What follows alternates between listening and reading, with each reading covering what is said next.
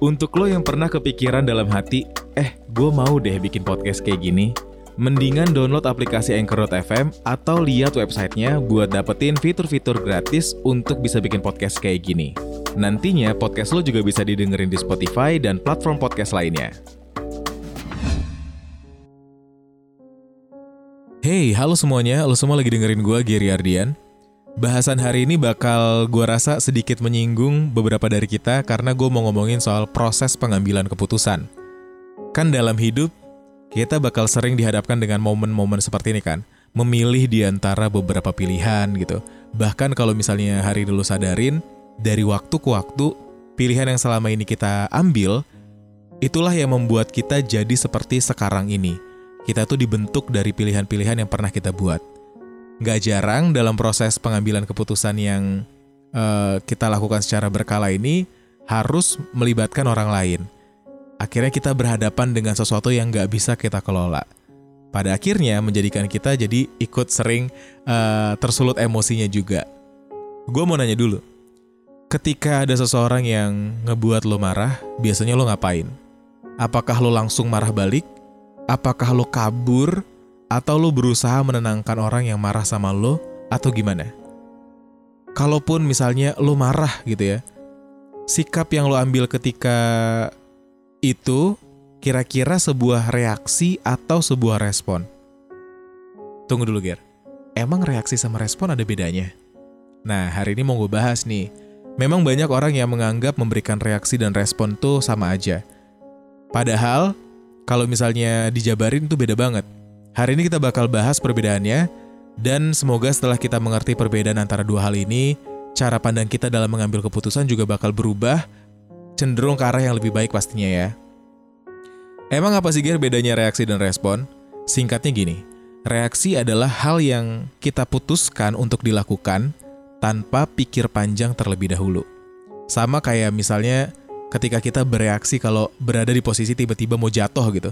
Karena tersandung seluruh anggota gerak kita kan bakal langsung berusaha mencari pegangan atau mencari tumpuan untuk menjaga badan kita untuk tetap seimbang kan.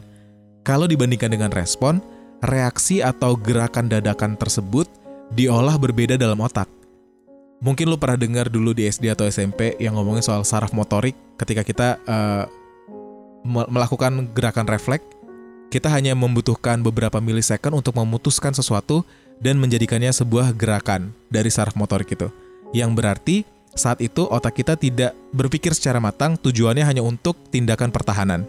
Nah, begitu juga dengan reaksi yang kita berikan ketika sedang tersulut emosi, ketika kita sedang marah atau kita sedang sedih banget gitu. Kita bakal kesulitan berpikir secara rasional sehingga menjadi tidak berpikir panjang. Reaksi yang keluar itu tuh nggak dikelola terlebih dahulu di dalam otak. Terus dari mana keputusan untuk keluar, Gear? Kenapa kita bisa memutuskan sesuatu sebelum mengambil waktu untuk memikirkan akibatnya? Mungkin lo nanya kayak gitu. Nah, dari apa yang gue baca, reaksi itu ternyata mengambil data dari memori dan kebiasaan yang selama ini kita lakukan. Jadi, meskipun pada momen itu kita belum berpikir secara jernih, otak itu udah punya cadangan tindakan yang eh, diambil dari memori dan kebiasaan kita selama ini. Jadi kalau kita terbiasa untuk langsung balik marah atau kita uh, ikutan emosi karena dibikin marah sama orang lain, reaksi kita akan terus kayak gitu. Marah-marah seperti bagaimana yang biasanya kita lakukan selama ini. Reaksi itu seolah-olah kayak didorong oleh apa yang kita percaya. Diputuskan secara subjektif bukan objektif. Dan apa yang ada di dalam alam bawah sadar kita. Biasanya sebagai mekanisme pertahanan.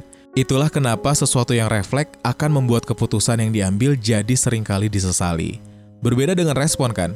Kalau kita tidak memutuskan untuk bereaksi akan apa yang terjadi, terus kita memberi jeda, dan pada akhirnya baru mengeluarkan sebuah respon, kita tuh seolah-olah mundur beberapa langkah ke belakang supaya kita bisa lihat masalahnya dari sudut pandang yang lebih luas, sehingga kita bisa ngelihat apa yang sebenarnya sedang terjadi, baru kita mengelola itu, mengolah itu dalam otak kita sebelum mengeluarkan output yang menjadi statementnya kita gitu.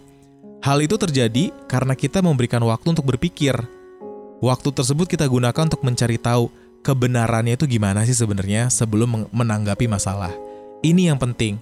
Seringkali kita ada di dalam sebuah perdebatan dengan seseorang, terus kita langsung bereaksi aja gitu. Karena kita sedang mempertahankan argumentasi mungkin ya. Sehingga yang kita cari itu bukan kebenaran, tapi pembenaran. Pembenaran akan apa yang udah kita lakukan.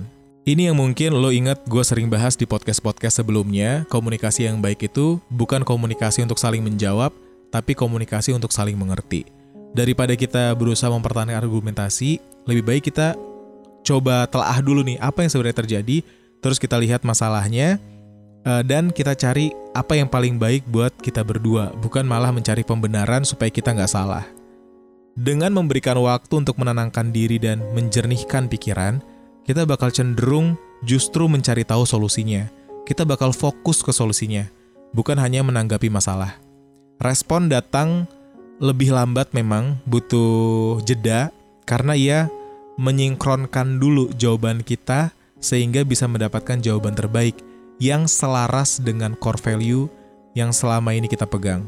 Dengan membiasakan diri untuk tidak bereaksi kalau ada suatu masalah dan lebih memilih untuk memberi jeda sebelum mengeluarkan respon, kita akan menambah kemampuan self-control kita. Ini penting nih, karena apabila kita terus bereaksi untuk tiap masalah yang kita hadapin tanpa pikir panjang, kita tuh bakal jadi less empowered atau kita tuh jadi nggak punya self-control gitu. Seringkali malah dikuasai sama emosi karena tiap kali kita kalah sama emosi kita sendiri, itu tuh bakal jadi bibit dalam habit kita. Ketika udah terbiasa untuk bereaksi, kita bakal sulit untuk menghilangkan kebiasaannya. Podcast ini didistribusikan lewat Anchor.fm. Kalau lo mau buat podcast lo sendiri, mendingan pakai Anchor.fm aja. Karena 100% gratis dan banyak fitur-fitur yang bisa lo gunain untuk bikin podcast jadi lebih mudah.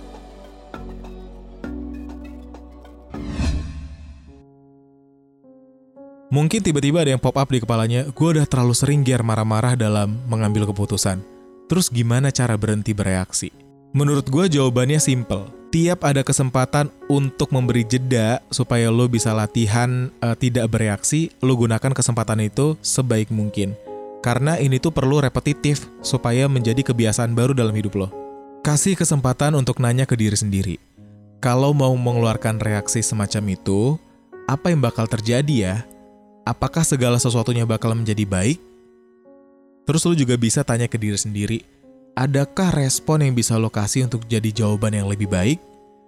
Karena sering kali reaksi itu terjadi karena kita tuh belum menyadari kalau sebenarnya ada cara yang jauh lebih baik dalam menanggapi hal tersebut. Sadarin kalau emosi dalam konteks yang lagi kita bahas ini, itu tuh sebenarnya timbul sebagai mekanisme pertahanan apakah baik kita mengambil peran bertahan di momen-momen seperti itu? Bisa kita tanyain tuh ke diri sendiri. Kita bisa juga tanya, kalau kita tenang, adakah hal lain yang bisa jadi lebih baik? Karena sebenarnya respon tuh bisa ngebuat kita jadi mengelola emosi negatif yang hadir gitu. Dari hal eksternal kita bisa memandang hal tersebut da dari sudut pandang yang lebih luas. Kita bisa sadar kalau mungkin itu adalah hal yang bisa ngubah prinsip atau jati diri kita. Jadi sebisa mungkin kita kalau misalnya dalam proses mengambil keputusan, mungkin kita perlu ambil nafas terlebih dahulu ketika dihadapkan dengan pilihan yang berat. Kita tuh harus ngasih kesempatan ke diri kita untuk memproses dulu apa yang sedang terjadi sehingga bisa mengeluarkan respon yang tepat. Lu mungkin nanya berapa lama waktu yang diperlukan untuk memproses pilihan tersebut, Kier? Jawabannya tentu tergantung seberapa berat pilihan yang lo hadapin. Ketika pilihannya hanya sekadar masalah biasa sehari-hari, mungkin butuh waktu yang jauh lebih sedikit. Tapi kalau untuk pilihan penting, mungkin butuh waktu yang lebih lama untuk berpikir. Oleh karena itu, buat yang udah punya pasangan, jangan lupa kalau lagi mengambil waktu untuk berpikir, kita izin dulu sama pasangan, supaya nggak silent treatment. Di hubungan gue sendiri, gue sering banget bilang kayak, oke, okay, aku ambil waktu sebentar buat mikir ya. Gue bilang ke Sally, jadinya gua, dia nggak khawatir gua kalau gue tiba-tiba hilang, kayak dia juga nggak ngerasa gue diemin. Karena ngasih jeda tuh penting, tapi juga perlu dikomunikasiin. Nah, dengan menyadari perbedaan antara reaksi dan respon ini, gue harap kita semua bisa semakin baik dalam mengambil keputusan, Lewat podcast ini gue harap makin banyak yang bisa memisahkan antara faktor eksternal yang gak bisa kita kelola dan faktor internal yang bisa kita kelola. Kita tidak bisa memilih seperti apa dunia akan memperlakukan kita, tapi kita bisa memilih seperti apa kita ingin menanggapinya. Jangan lupa kasih jeda dalam memutuskan segala sesuatunya.